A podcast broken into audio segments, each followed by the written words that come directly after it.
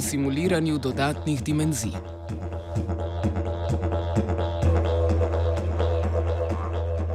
Fiziki in fizičarke so izdelali material, ki se obnaša, kot da bi imel dodatno prostorsko dimenzijo. Da je kaj takega mogoče, se je špekuliralo že dobro desetletje, zdaj pa je mogoče to opaziti tudi na eksperimentalnem nivoju.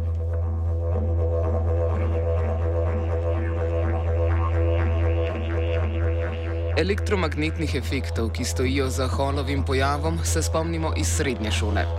Če električni vodnik postavimo v magnetno polje, nam deluje sila. Ta je pravokotna tako na smer električnega toka kot na magnetno polje. Situacija je zanimivejša, če električni vodnik držimo pri miru.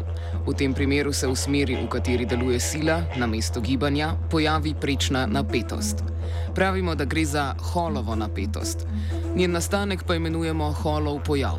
Močnejše kot je magnetno polje, večja je holova napetost.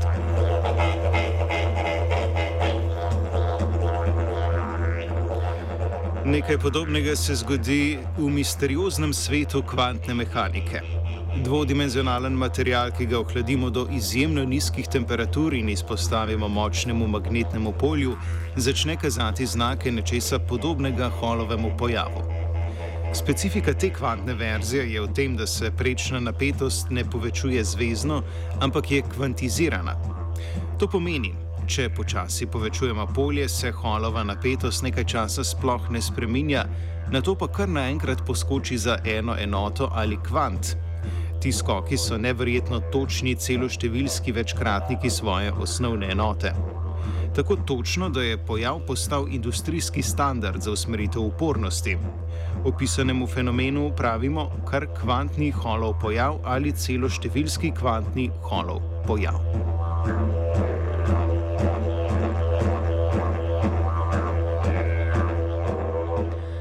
Pomembna tehnikalija kvantnega holovega pojava je to, da obstaja v dveh dimenzijah. Trodimenzionalni prostor takega pojava kvalitativno ni zmožen realizirati. Že nekaj časa se teoretizira, da bi lahko obstajale 4D ekvivalente, nihče pa ni pričakoval, da bi bilo kaj takega možno opaziti v naravi.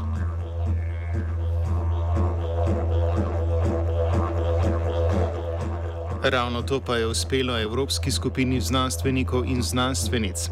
S tehniko hladnih atomov so simulirali sklopljeni 2D mreži. To jim je omogočil poseben način projekcije 4D prostora na 2D prostor. Na ta način so dobili kvantni holov pojav v eni mreži, ki je povzročil isti pojav na drugi mreži. Kot pa smo omenili na začetku, so si vse smeri v holovih pojavih pravokotne med seboj. Holov pojav na drugi mreži se mora torej manifestirati v četrti smeri.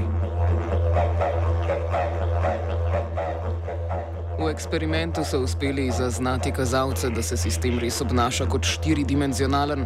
Še več, preko tega pojava jim je uspelo izmeriti novo fizikalno količino, ki v treh dimenzijah sploh ne obstaja.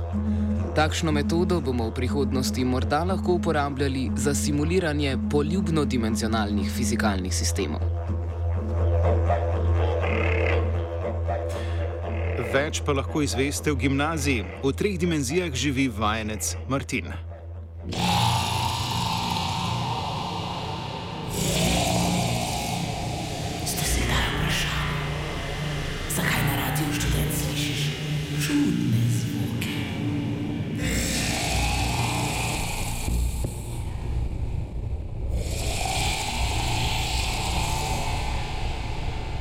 Ne govorijo samo američani z vesolci.